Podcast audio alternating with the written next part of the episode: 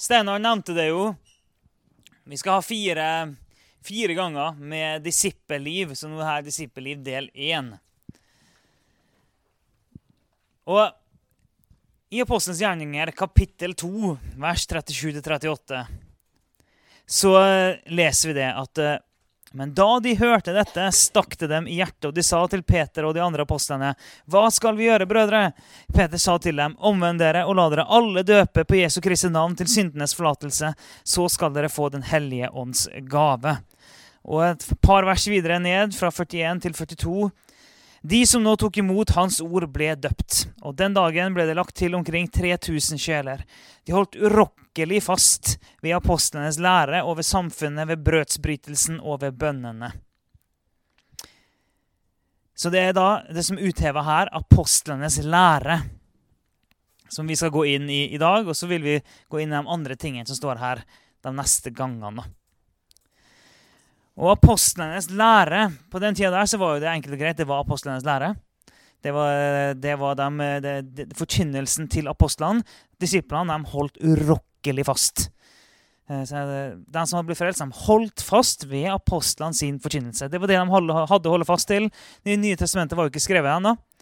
Så de, hadde, de holdt urokkelig fast ved det de hadde blitt opplært i. Det var konteksten da. Men for oss er det like relevant så hvordan ser det ut for oss å holde urokkelig fast ved apostlenes lære? Jo, det vil si holde, holde urokkelig fast på Bibelen. For Bibelen er apostlenes lære skrevet ned. Så etter hvert som apostlenes lære ble skrevet ned, så fikk vi Det nye testamentet. Det er den enkle, korte forklaringen på det.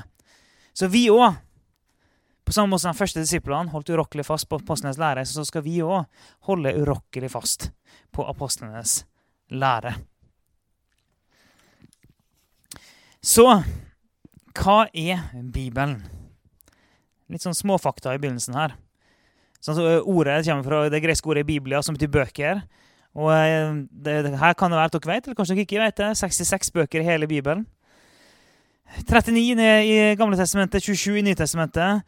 Og, og så er det sånn, ok, over 40 forfattere som har vært involvert. Det er et spenn på 1500 år eh, osv. Og så er det mange ulike sjangre, lovtekster, historiebøker osv.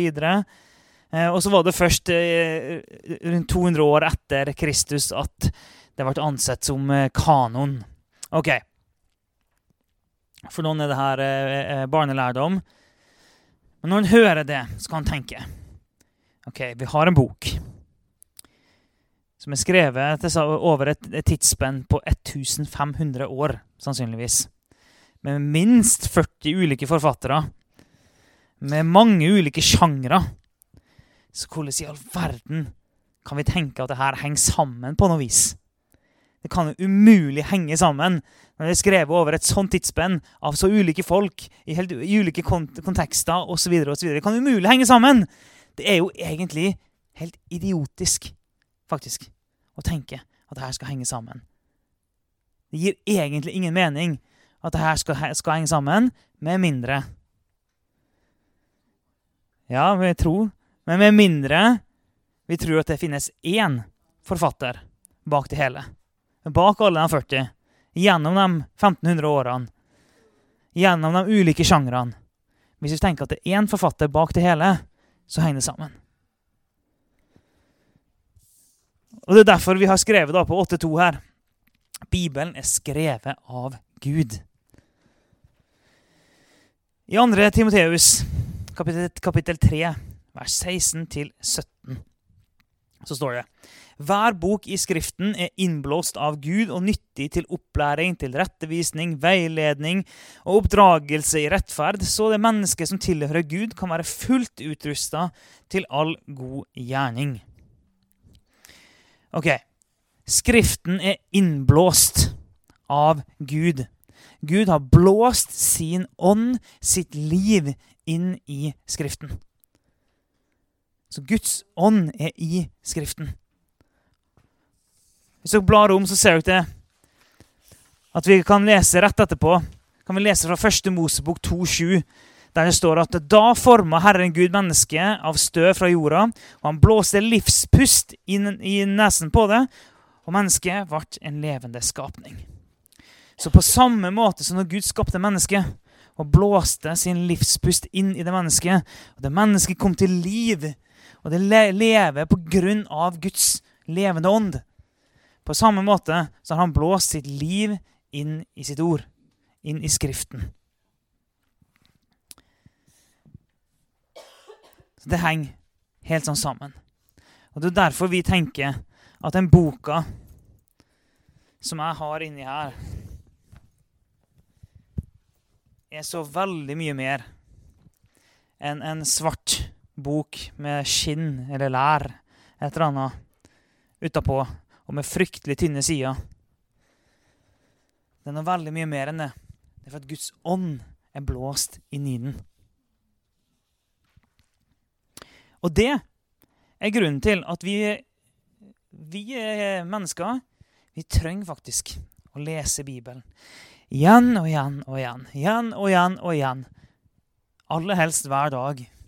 Så trenger vi å bare lese og utsette oss for Skriften, for da utsetter vi oss for Gud sjøl. Vi utsetter oss for Guds ånd ved at vi utsetter oss for Bibelen. Så leser vi Bibelen, så får vi òg inn ikke bare de ordene, men vi får faktisk inn den ånd som Gud har blåst inn i Guds ord. I Efesebrevet kapittel 3, vers 3-5, så står det her at i en åpenbaring ble mysteriet gjort kjent for meg. Jeg har ovenfor skrevet ganske kort om dette, og når dere hører det opplest, kan dere skjønne hvilken innsikt jeg har i Kristi mysterium. Det var ikke gjort kjent for menneskene i tidligere slekter, men nå er dette mysteriet ved Ånden blitt åpenbart for Hans hellige apostler og profeter. Og rett etterpå, 2. Peter 1,21. For aldri ble noen profeti båret fram fordi et menneske ville det, men drevet av Den hellige ånd talte mennesker ord fra Gud. Ok.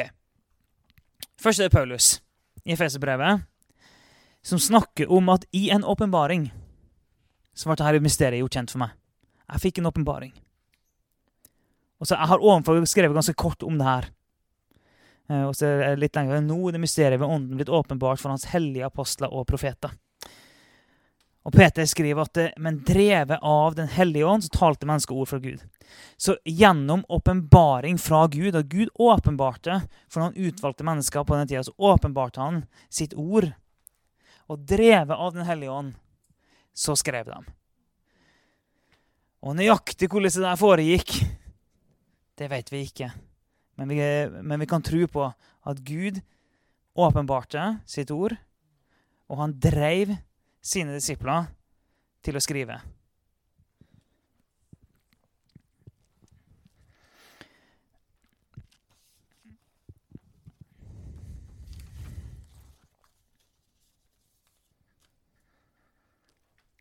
Vi skal snart hoppe inn i fire sannheter om Guds ord. Men jeg skal først fortelle dere en historie.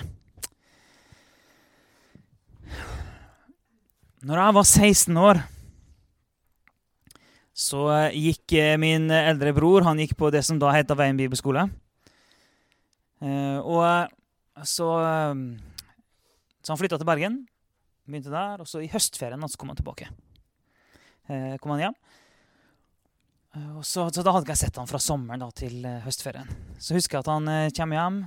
Og jeg er på sånn, er liksom godt å se deg, og sånn, og så sier han, gir meg en klem. godt å se deg, og sånn. Og så går han opp på rommet sitt og lukker døra. Så bare sånn, oi, ok, hva, Det var ikke noe liksom fælt, liksom. Han bare gikk inn på rommet sitt. Men hva, hva er greia nå? Og så hørte jeg at han begynte å be. Så bare sånn, ok, interessant. Uh, og gjennom den uka han var hjemme, så var han inne på det rommet ganske mye. Og han ba, og han ba, og han ba, og han ba. Og jeg sto utafor så sto jeg og hørte på at han ba. Og så skjønte jeg bare at et eller annet har skjedd med han. Altså han Både jeg og han og hele min familie har alltid vært frelst. Men er bare sånn, et eller annet har skjedd med han, skjønte jeg. Når han har begynt på den bibelskolen. Noen ting har skjedd med han som gjør at han er der inne hver eneste dag i en time eller to og driver og ber. Så hver eneste dag gjennom den høstferien så sto jeg utenfor og så hørte jeg på. Han kunne kjenne at det gjorde noe med meg kunne kjenne at jeg fikk en sånn lengsel at jeg har også lyst til å kjenne Gud, sånn som Thomas har blitt kjent med Gud. Og det starta en prosess i meg der jeg var sånn her Gud, Jeg må få tak i det samme. For det, det livet der, det har ikke jeg. Jeg, jeg trenger det samme. Så begynte jeg å be.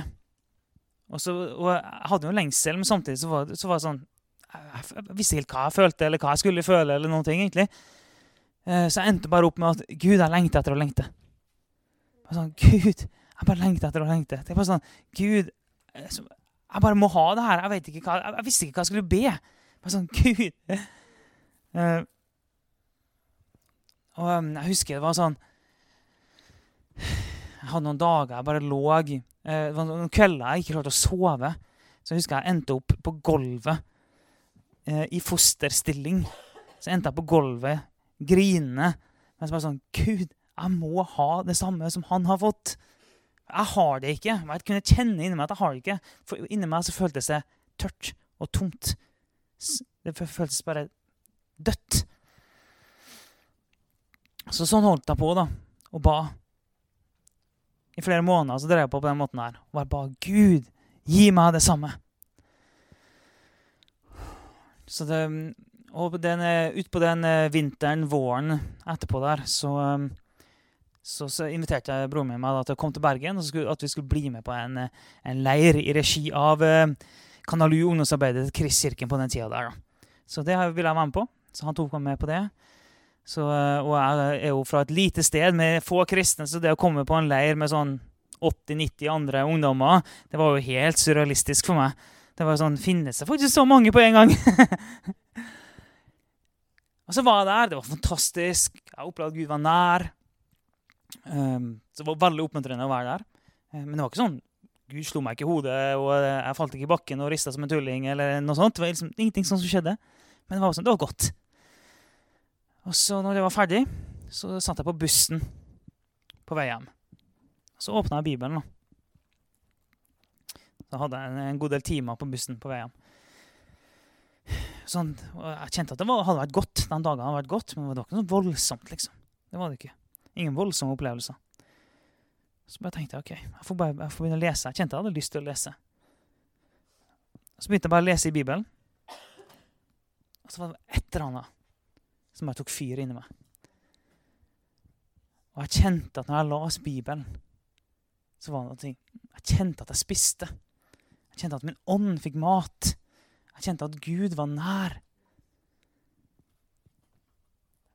Fortsatt ingen sånn voldsom, eh, heftig opplevelse. Det var ingen engel som sto foran meg, men jeg merka at når jeg las, så var Gud nær. Og det jeg hadde lengta etter, det fikk jeg. Og da fikk jeg jo ikke nok. Så bare la seg. Igjen mer og mer, mer og mer, mer og mer. Jeg husker jeg bare, jeg bare las liksom, så jeg kunne lese kjempemasse. Sånn 50 kapittel om dagen. for Jeg bare las og las og las. og las og las. Så jeg leste jo gjennom hele Bibelen på eh, ganske kort tid. Eh, og Jeg husker jeg var veldig opptatt. Jeg skulle lese hvert eneste komma. Ingen, jeg skulle ikke hoppe over en eneste etterliste. Absolutt alt skulle jeg lese. Eh, sånn jeg bare las og las og las og las og las. Eh, og merka at det gjorde ting med meg. Eh, og det har jeg båret med meg hele tida etter det. At å lese Guds ord, det er bare sånn Det finnes ikke en bedre måte å møte Gud på og, og holde seg nær til Han. For leser vi hver dag i denne boka her, så er det faktisk vil jeg påstå, umulig å komme bort fra han. Jeg er ganske sikker på at alle som kommer bort fra Jesus, har på et eller annet tidspunkt begynt å ikke lese så ofte i Bibelen. Det er jeg helt overbevist om. Jeg er helt overbevist om at det er umulig å komme vekk fra Jesus hvis du leser hver dag. Så jeg har bare båret med meg det. Nå er det 16 år siden jeg var 16 år.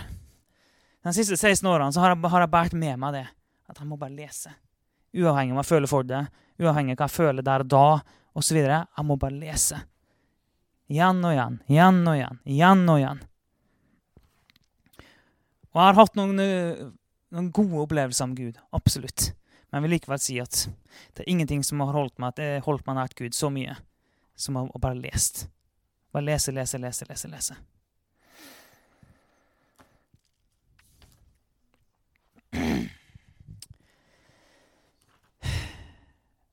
Så vi skal gå gjennom fire sannheter, fire kjennetegn, eller hva enn vil kalle det, om Bibelen. Det første er at Bibelen er klar og forståelig. For i 1. Johannes 2,20 så står det at Men dere er alle salvet av Den hellige og kjenner sannheten. står det. Og det er et grunnleggende prinsipp for oss om at alle kan forstå Bibelen. Alle kan lese Bibelen, alle kan forstå Bibelen. Du trenger ingen utdannelse, du trenger ingen eh, intellektuell kapasitet. Eh, så det er uavhengig av kompetanse, uavhengig av alder. Du kan lese og forstå Bibelen. Du trenger ingenting annet enn Guds ånd. That's it. Jeg sier ikke at det ikke er bra med andre ting, men jeg sier at det, du må ikke ha mer. Du må kun ha Guds ånd inni deg og Guds ånd i Bibelen. Det er det eneste vi trenger. Så uansett hvem vi er, hvor vi er, hva vi står i, eh, hvor mye eller lite vi kan Alle kan forstå Bibelen. Du trenger ikke teologisk utdannelse. Jeg kan ikke få sagt det nok. Alle kan forstå Bibelen. Og det er ingen som skal føle seg underlegen for at en møter noen med teologisk utdannelse. Teologisk utdannelse er bra. Jeg har deler av det sjøl. Um, ehm, men teologisk utdannelse uten Guds ånd det fører til noen forferdelige ting. Som jeg kommer litt tilbake til etter hvert. Men eh, mye av den utglidninga vi ser i deler av kristenheten, det er bl.a. pga. en teolo teologiutdannelse uten Guds ånd. Sånn at den får noe helt annet enn det vi ser i Bibelen. Så det er et grunnleggende sannhet om Guds ord at den er klar og forståelig. Den er ikke et mysterium. Det er masse mysterium i Bibelen. Det er det. Og vi får stadig ny åpenbaring, men Bibelen er forståelig. Og Bibelen er nødvendig. I Romerbrevet 10,17 så står det så kommer da troen av det budskapet en hører, og budskapet kommer av Kristi ord. Så alt det vi lærer, alt det vi hører, all forkynnelse, det har sitt utgangspunkt i Guds ord. Så hele budskapet har, så sant forkynneren gjør jobben sin, har sitt utgangspunkt i Guds ord. Så Bibelen er derfor nødvendig for at vi skal kunne kjenne Han.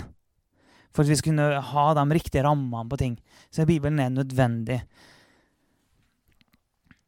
Så sier ikke jeg da dermed at eh, du absolutt ikke kan møte Gud uten at du hele tida har Bibelen på innerlomma.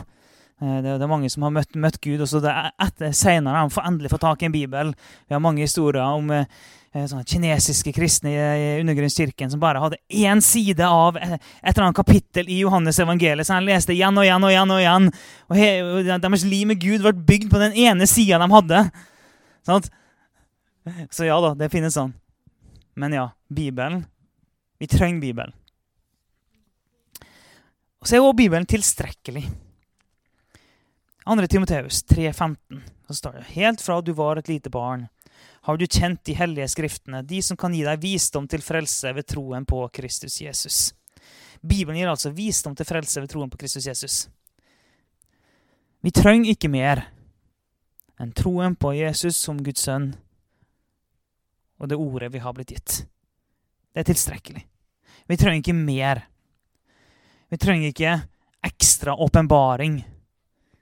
Mye av det Paulus skriver om i Kolossebrevet, handler bl.a. om akkurat det. Eh, at, eh, sånn at vi trenger ikke ekstra ting.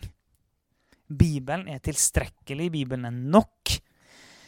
Hvis vi føler at vi mangler noe i livet vårt med Gud, så finnes aldri svaret utafor den her. Svaret finnes alltid inni her. Hvis det er noe vi mangler, det er noe vi ikke forstår, svaret er alltid inni her. På samme måte som vi av og til sier, litt på tull, men vi mener det, så er det sånn eh, Svaret Jesus, hva er spørsmålet? Vi kan også si svaret er Bibelen. Hva, hva, var spørsmålet igjen? Jeg hørte ikke helt. Svaret er i Bibelen. Og det er noen sånne premisser som vi bare legger ned, som vi velger å, å, å holde oss til, som vi velger å tro på. Og Vi har Bibels grunnlag for å tro på det, men vi bare sier det her er det vi tror på. Bibelen er klar og forståelig. Alle kan forstå. Bibelen er nødvendig. Vi må holde oss til den. Bibelen er tilstrekkelig. Vi trenger ikke noe annet. Så har vi jo at Bibelen er autoritet. I Johannes 17, 17 så står det 'Hellige dem i sannheten. Ditt ord er sannhet'.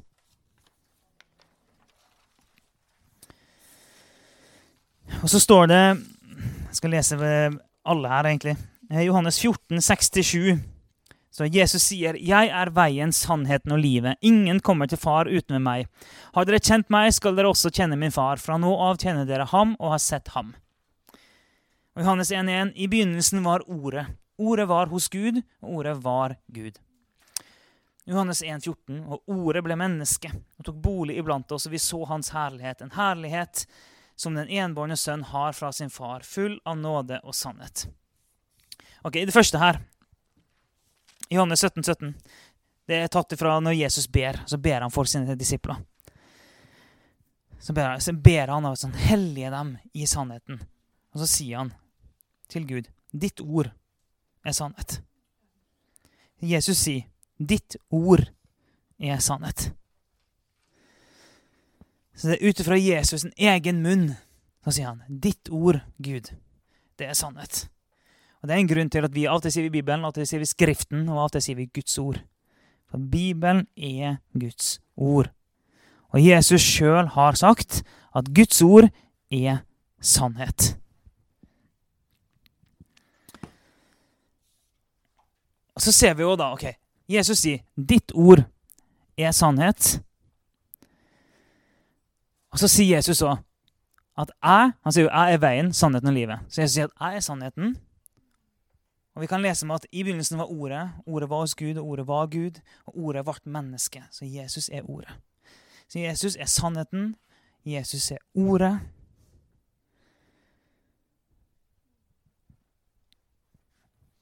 Så faktisk Vi kan ikke skille Bibelen fra Jesus. Bibelen fra Gud. Bibelen fra Den hellige ånd. Det kan vi ikke. Det henger helt uløselig sammen. Vi kan aldri skille ut Bibelen fra Gud. Aldri, aldri, aldri. Bibelen henger sammen.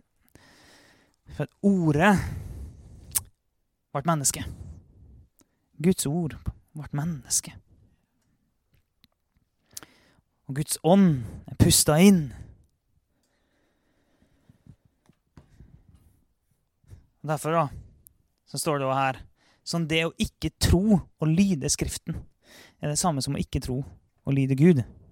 Den samme autoritet, eller den samme overgivelsen som vi eh, gir til Jesus, den samme overgivelsen må vi gi til Guds ord.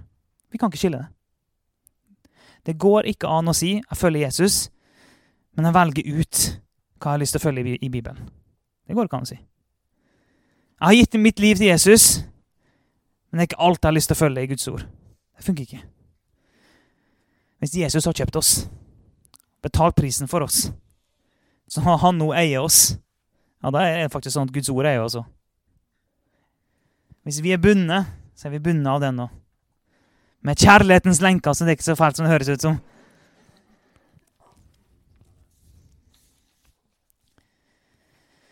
Så det er faktisk av avgjørende betydning at vi setter den samme autoriteten på Guds ord som vi setter på Jesus.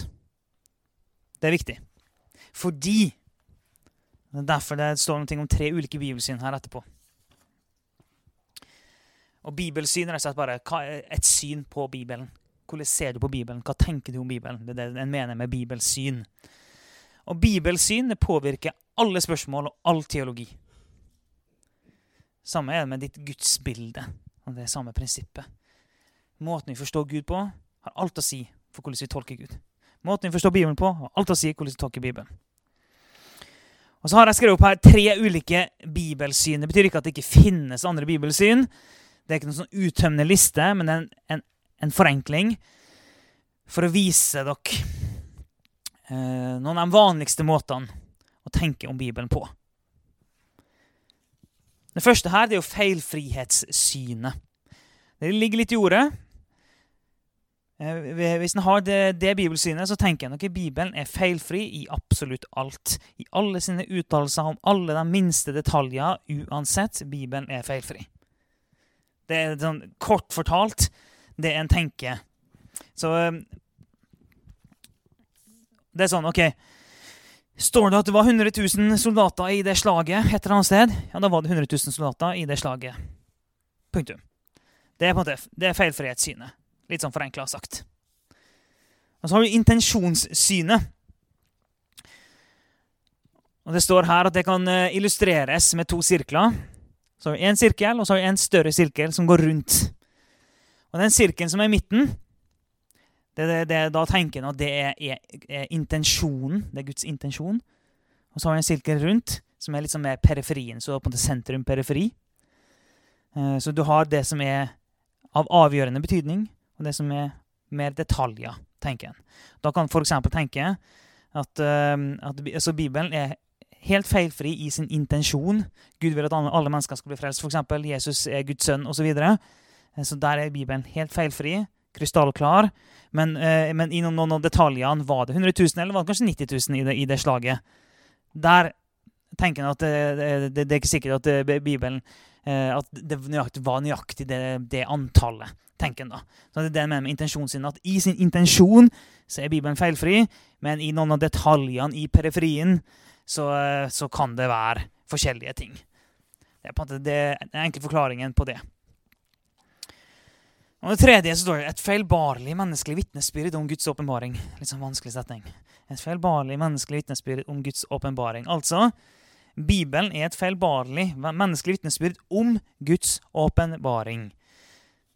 Det som menes da med det, er at en tenker at det er ikke det at Bibelen er Guds ord. En tenker at Guds ord finnes i Bibelen.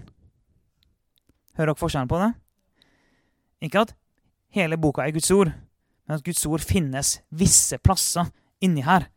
Mens andre ting er et feilbarlig menneskelig vitnesbyrd. tenker en. Ok. Problemet med det er at da må vi jo finne ut hva er det som er hva? Hva er det som er Gud? Hva er det som er Guds åpenbaring?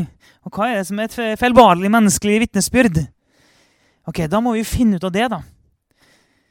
Og hvordan skal vi gjøre det? Det fins det ingen god måte å gjøre på. Faktisk ikke. For da må vi begynne å definere hva er Guds ord, og hva er ikke Guds ord? Og jeg vil si at de to første her måtene å se på Bibelen på, det går fint. Du vil holde deg innafor hvis du ser på Bibelen på de to måtene. Men hvis en har et bibelsyn, det tredje der, så vil jeg faktisk si det så sterkt at da er det garantert at eh, du kommer til å skli vekk. Det kan jeg garantere. Til nå så har jeg i 100% av tilfellene der jeg kjenner noen som har forfekta den måten å tenke på Bibelen på, i 100% av tilfellene så har de endt opp med å ta steg vekk fra Jesus og ende opp med en teologi som går på tvers av Guds ord. Alle tilfellene. Jeg har aldri sett noen som har tenkt sånn om Bibelen, som har klart å holde seg til klassisk kristen lære. Jeg har aldri sett det. Og som, Hvis det er noen som klarer det, så er det bare tidsspørsmål. For da tenker en at i praksis, da, selv om jeg ikke sier det, så blir det at jeg er Gud. Jeg skal, jeg skal, definere hva som er rammene. Jeg skal definere hva som er Gud inni her. I praksis da så har han satt seg sjøl i Guds sted. Så her er det faktisk si det så sterkt at det, det er et bibelsyn som rett og slett ikke er forenlig. En kan, kan, faktisk ikke ha det. Men de andre greit nok. Det, det her er en forenkling. Det finnes andre måter å se på Bibelen på, men det er sånn, noen sånn hovedmåter. For hvis Bibelen er Guds ord, så, kan, så, er det ikke opp til oss å definere inn eller ut. Å definere rammene er faktisk ikke opp til oss, for Gud har definert rammene for oss.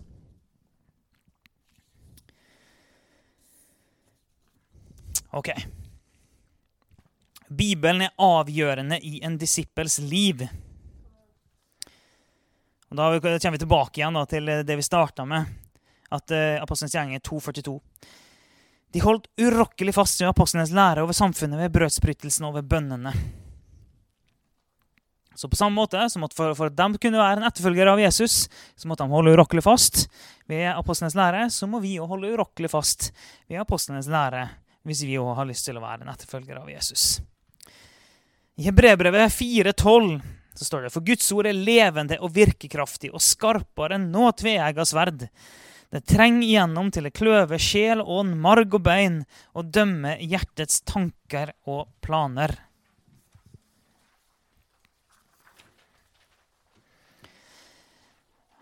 Sånn, Guds ord er bare ikke en bok vi leser. Det er Gud, og det er Gud sjøl. Og Gud er kraftfull. Gud er levende. Gud, han kutter gjennom marg og bein. Han ser inn til det dypeste i oss, langt inn i vår sjel. Er det noen her som har opplevd å lese Bibelen og bare merka oi, det traff meg? Ja. Og det er jo en grunn til det. Og Guds ord, Det er så fantastisk med Guds ord. Sant? Det er så levende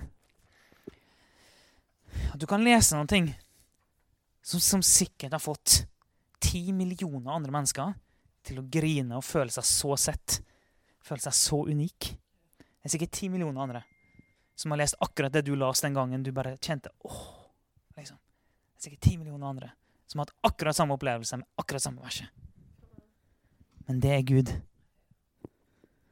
På samme måte som Gud møter hver enkelt av oss, Gud elsker hver enkelt av oss, på samme måte så møter han hver enkelt av oss gjennom sitt ord.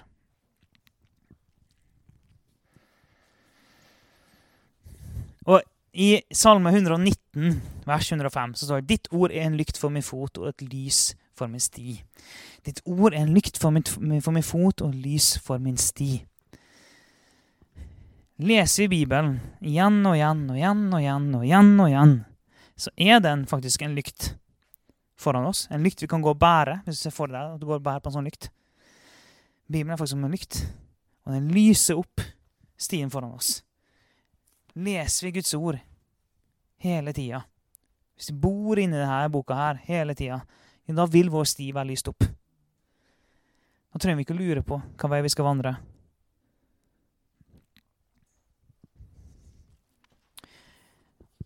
Og hvis du går på et sted du aldri har gått før, og det er helt, helt mørkt, så vil du ha lys. Og det er ingen av oss som har vandra inn i framtida. Ingen av oss som har gjort det. Ingen av oss som vet hva som skjer i morgen. Eller etterpå. Eller om et år. Ingen av oss vet det. Vi har ikke levd det livet som ligger foran oss. Det er en sti vi ennå ikke har kommet inn på. Det er lenger nede på veien, liksom. Vi ser ikke. Vi veit ikke. Det er helt blankt. Jeg tviler på at det er noen her som har lyst til å gå nedover der uten et lys. Her må vi ta med oss Bibelen. Og vi spiser Bibelen hver dag, hele tida. Vi viker ikke fra det en tomme. Det får meg til å tenke på um, Jeg og Ellen vi, vi ser på Kompani Lauritzen. Ja, vi er så verdslige. Vi ser på TV av og til. Uh, så vi ser på Kompani Lauritzen. Vi syns det er veldig morsomt. Uh, så for dere som har sett det, dere vil skjønne det her. Uh, men det er jo da folk som blir sendt i militæret. Og jeg elsker det. det, det, det jeg mener alle har, skulle vært i militæret. Men ja, det er en annen sak. Og så syns jeg det er fryktelig morsomt når de her folkene får beskjed om de må bære med våpenet sitt hele tida. Og de får ikke lov til å legge fra seg våpen. og Våpenet skal aldri være mer enn én meter fra dem. Og det glemmer jo folk hele tida. Hele tida glemmer folk det. Eh, men det er sånn, våpenet skal være med Våpenet skal aldri være mer enn én meter unna, for våpenet skal alltid være innenfor rekkevidde. Du skal alltid kunne ta det våpenet når du trenger det. Og det her er vårt våpen. Det er et sverd. Bibelen er vårt våpen. Så på samme måte som de får beskjed La aldri våpenet være utafor rekkevidde. Sånn må, trenger vi å tenke òg at vårt våpen må aldri være ute rekkevidde. Aldri mer enn én meter unna oss. Vi må alltid holde oss nær til Guds ord, sånn at det faktisk kan være et sånt våpen for oss.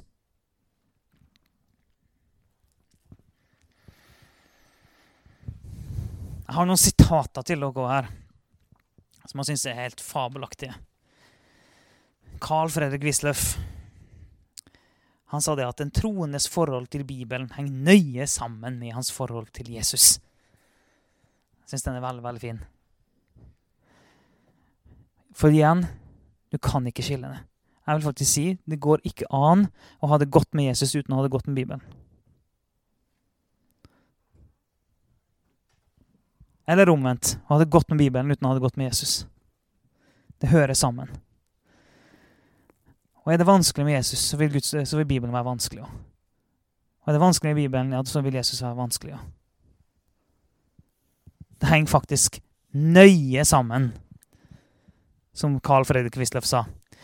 Og Tozer, en kjent forfatter, han sa det at Guds ord, godt forstått og religiøst adlydt, er den korteste veien til åndelig perfeksjon. Og Vi må ikke velge noen få favorittvers og så ekskludere andre, for at intet mindre enn en hel bibel kan skape en hel kristen. Jeg syns det er veldig morsomt sagt. Intet mindre enn en hel bibel kan skape en hel kristen. For vi velger ikke ut bare det vi liker best. Og det som er litt vanskelig, så velger vi ikke at du bare, det gidder jeg ikke å lese. Hvor mange er det her inne som føler at de, at de Som av og til kan føle litt på en sånn følelse at de ikke har stålkontroll på Johannes' åpenbaring? Ja.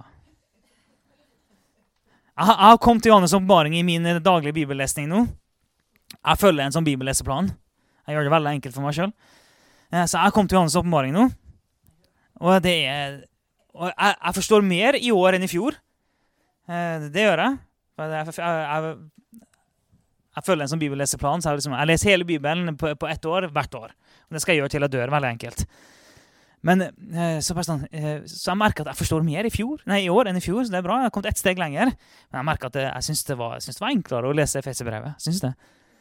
det. Det må jeg innrømme. Men skal jeg da slutte å lese Johan som baring? Nei. Skal jeg tenke at Johan som baring er mindre verdt, mindre verdig, ikke like viktig? Jeg kan ikke det. Det er jo ikke opp til meg.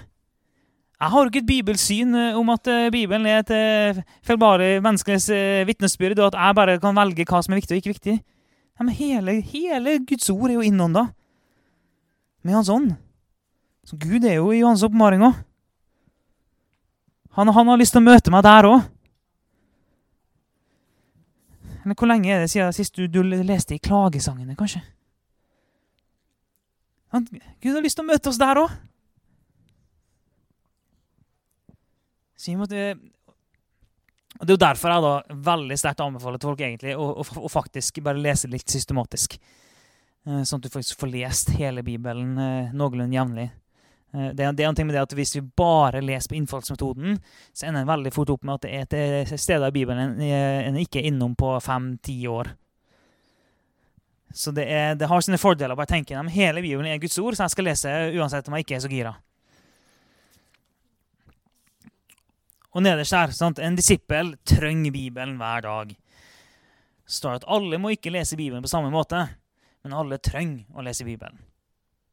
Det står til og med at alle trenger å lese Bibelen hver dag. Det står ikke at noen slår deg i hodet hvis ikke du leser hver dag. Det er ikke det som står. Det står at du trenger å gjøre det hver dag. Det er det som står. Og de fire punktene her, det er sånn Gjør du det her, ja, da vil du holde deg nær Jesus også resten av livet. Hvis du leser Bibelen Og jeg vil jo slå slag da, for å lese Bibelen hver dag. Det trenger ikke være mye. Men bare det å ha det som en vane. Fylle meg med Guds ord hver eneste dag. Ett vers er veldig mye bedre enn null. Så å lese Bibelen hver dag. Og ja, en kan gjøre det på ulike måter. En kan gjøre det mer ustrukturert, en kan gjøre det mer på innfallsmetoden det er klart alt er bedre enn ingenting. Så det, er, så det er alltid bedre med Bibel enn ikke Bibel. Så det viktigste er at en leser. Det er det viktigste. Og um, jeg, har vært så heldig at jeg har vokst opp med to foreldre som har vist meg to ulike måter både å lese Bibelen på, og be på og leve med Gud på. For der jeg har en eh, Det har jeg nevnt litt før, men jeg har en, eh, en mamma som ber sånn til å høre det gjennom hele huset. Eh, og som eh, hoier og roper, og eh, kroppen fer hit og dit. og det, er Både rare lyder og rare bevegelser når hun ber. Men Det har jeg vokst opp med, så det tenker jeg egentlig ikke noe mer over. Og jeg har en far som står rett opp og ned og ber. Og han, ber, han, han pleier jo, De ber de samme frasene også, veldig ofte. Det er noen ting som er, er veldig nært og dyrebart for han. Det er visse skriftsteder som kommer ut av munnen hans hver eneste gang. Um, sånn, så de ber på veldig ulike måter. Så leser de Bibelen på veldig ulike måter. Pappa leser mer systematisk. Mamma hun foretrekker å lese litt mer sånn der hun føler at Gud leder henne. Så, her, så En kan lese på ulike måter. Jeg vil definitivt anbefale å ha en, ha en, viss struktur på det for å unngå at det går ti år mellom hver gang du er innom en bok i Bibelen. Eh, for jeg vil liksom holde fast på den. Hele Bibelen er Guds ord. Hele Bibelen er innåndet av Guds ånd. Så vi trenger å lese hele Bibelen. Men du kan gjøre det på ulike måter. Og Jeg har som sagt gjort det enkelt for meg sjøl. Jeg følger en bibelleseplan. Den tar meg gjennom hele Bibelen hvert år, og det skal jeg gjøre til jeg dør. Det er ikke noe mer å tenke på for min del. Og så kan jeg lese mer enn bibelleseplanen. Det gjør jeg jo òg. Eh, så jeg leser litt her og der og sånn. Men jeg følger den hvert år. Så Det er derfor jeg nå har kommet til Johannes' åpenbaring. For jeg, jeg begynner 1. januar. Jeg begynner på nytt igjen. Så, jeg, så, så, jeg, så, hver jul, kanskje resten av mitt liv, vi får se hvordan jeg gjør det her, så kommer jeg til å være i Johannes' åpenbaring. Jeg, er litt den personen som Steinar ville sikkert dødd av å gjort det på samme måte som meg. For eh, Steinar vil ha variasjon i livet sitt. Jeg vil ha automatikk i livet mitt. Så der er jeg og Steinar veldig ulik. Eh, jeg, jeg, vil automatisere livet mitt så mye at jeg ikke trenger å tenke. Eh, Steinar har lyst til å oppleve nye ting.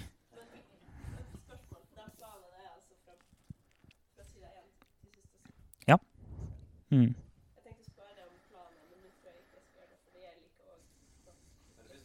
Nei, nei, nei, altså akkurat den, den, jeg gjør nå, er, er ikke helt sånn, um, den følger ikke helt sånn kronologisk. Det gjør den ikke. Det finnes ulike planer. Ja, ja. Det finnes mange ulike planer som tar igjen Bibelen på ett år. Det er det. Og ja, det, det må, Du må ikke gjøre det på den måten, men det er en veldig enkel ting å forholde seg til. Og det er ikke voldsomt mye bibellesning hver dag heller, faktisk. Det er, det er Jeg vet ikke hvor mange minutter det tar, om det tar ti minutter. Eh, kanskje. Jeg er ikke helt sikker. Jeg har ikke tatt tida. Det varierer jo litt. Men, men um, det er en veldig effektiv og enkel ting å forholde seg til. Ok, Da leser jeg det her. Jeg tenker ikke på hva jeg skal lese. Jeg bare slår opp. ok, nå, nå er det det. Så bare følger jeg det ganske slavisk. Ok, Les Bibelen. Og så er det be Bibelen. For når vi leser Bibelen, så trenger vi å be Bibelen, og vi trenger å takke for sannhetene, vi trenger å tilbe, og vi trenger å bruke løftene når vi ber om gjennombrudd. For ja, vi trenger å be, Nei, vi trenger, vi trenger, å lese, men vi trenger å be. Og bønn Jeg skal ikke snakke om bønn nå. Bønn er jo et svært tema, det jo, det, og det har mange ulike uttrykk. Og Du kan be fritt, og du kan be skrevne bønner, og du kan be i tunga, og du kan tilbe, og du kan være på dine kne, og du kan stå og hoppe. og du kan, Det er så mye forskjellig du kan gjøre i bønn. Så poenget er bare OK. En disippel trenger å lese. En disippel trenger å be. En veldig enkel hjelp til bønn er å bare be ut fra Bibelen. Det finnes nedskrevne bønner i Bibelen som vi bare kan be. Eller vi kan bare takke over ting, over løftene som vi finner i Bibelen. Veldig enkel hjelp til å be hvis en syns det er vanskelig. På samme måte som at når det er vanskelig å lese i Bibelen, bare følg en bibelleseplan, så er du ferdig med det. Hvis det er vanskelig å be, be det som står i Bibelen. Det vil bli bedre over tid. Så har jeg skrevet 'Spis Bibelen'. På en måte så pleier vi ofte å si at vi spiser når vi leser. da. Men eh, poenget mitt er det med å gå litt dypere. For vi trenger å anvende, vi trenger å bruke Guds ord. Og Den beste måten å kunne virkelig bruke Guds ord på, det er å reflektere og skrive. Om du skriver for din egen del, din egen personlige eh, del, eller om du jobber Alle som har eh, skrevet notater til undervisning og forkynnelse, merker at når du jobber med Guds ord på den måten, så setter det seg. altså. Du jobber det inn på en helt annen måte. Og eh, det er, det er ingenting som gjør at jeg merker at jeg spiser ord på den måten som når jeg faktisk sitter og jobber med det. Så det trenger vi. trenger egentlig så eh, skulle jeg skulle stått jobbe litt med Bibelen, kanskje. Men, eh, men, poenget er at vi trenger faktisk spise, jobbe litt med Guds ord. Da setter det seg på en helt annen måte. Og ja, Du kan gjøre det som forberedelse til undervisning og forkynnelse, men du trenger å gjøre det bare for din egen del, din egen skyld. Og igjen, her er folk forskjellige. Du kan gjøre det på forskjellige måter. Jeg personlig har valgt å, å prøve å holde meg til at eh, ok, jeg leser min faste greie, Bibelen, hver dag. Og så prøver jeg å tenke ok, hva er det som stikker seg ut her i dag. Prøver jeg å skrive ned bibelverset og prøver å skrive i alle fall én setning. Jeg vil bare sånn tenkt, gjør, så- eh, gjør så lav terskel som mulig. Så av og til så blir det plutselig en halv side. Eh, og jeg skal innrømme at noen dager jeg ikke skriver noen ting òg. Det, det, det innrømmer jeg absolutt. Men, men jeg prøver liksom å jobbe med hele tida. Jobbe, skrive. Og jeg merker at det er mye enklere for meg å ha det i bevisstheten gjennom dagen. Og så trenger vi å lytte til andre som må lese og ber og spise Bibelen. Og Det gjør vi på ulike måter. Dere gjør det nå. Når dere lytter her til meg. Så når vi lytter til forkynnelse og undervisning, så gjør vi det, og det trenger vi. Eh, og det, men det er også nyttig da å, um, å lese bøker og nyttig å lese bibelkommentarer. Så lenge ingenting av det kommer som en erstatning for ditt eget personlige liv med Gud og din egen personlige bibellesning. Det ligger i bunnen alltid at du har en relasjon til Jesus. Du kjenner han, og du eh, er sammen med han, og du ber, og du leser din bibel. Det er der det alltid begynner. Og så lar vi oss bli strekt og utfordra og la oss vokse på det andre mennesker har, og det hele, kroppen har å gi oss i tillegg. For det er heldigvis andre mennesker også som synes at Bibelen er noe fint å forholde seg til.